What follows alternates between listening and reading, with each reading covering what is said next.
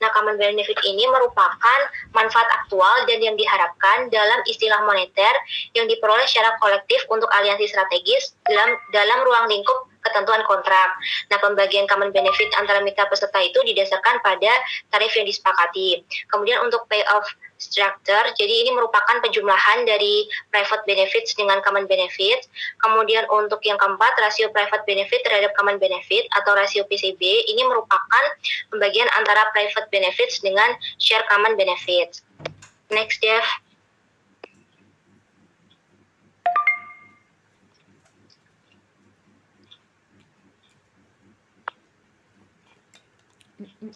Nah, selanjutnya adalah tentang contoh kasus dari Guanxi. Nah, di sini bisakah Guanxi meningkatkan expected payoff?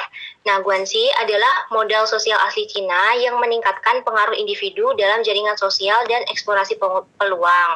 Guanxi dibentuk baik dari jaringan hubungan keluarga besar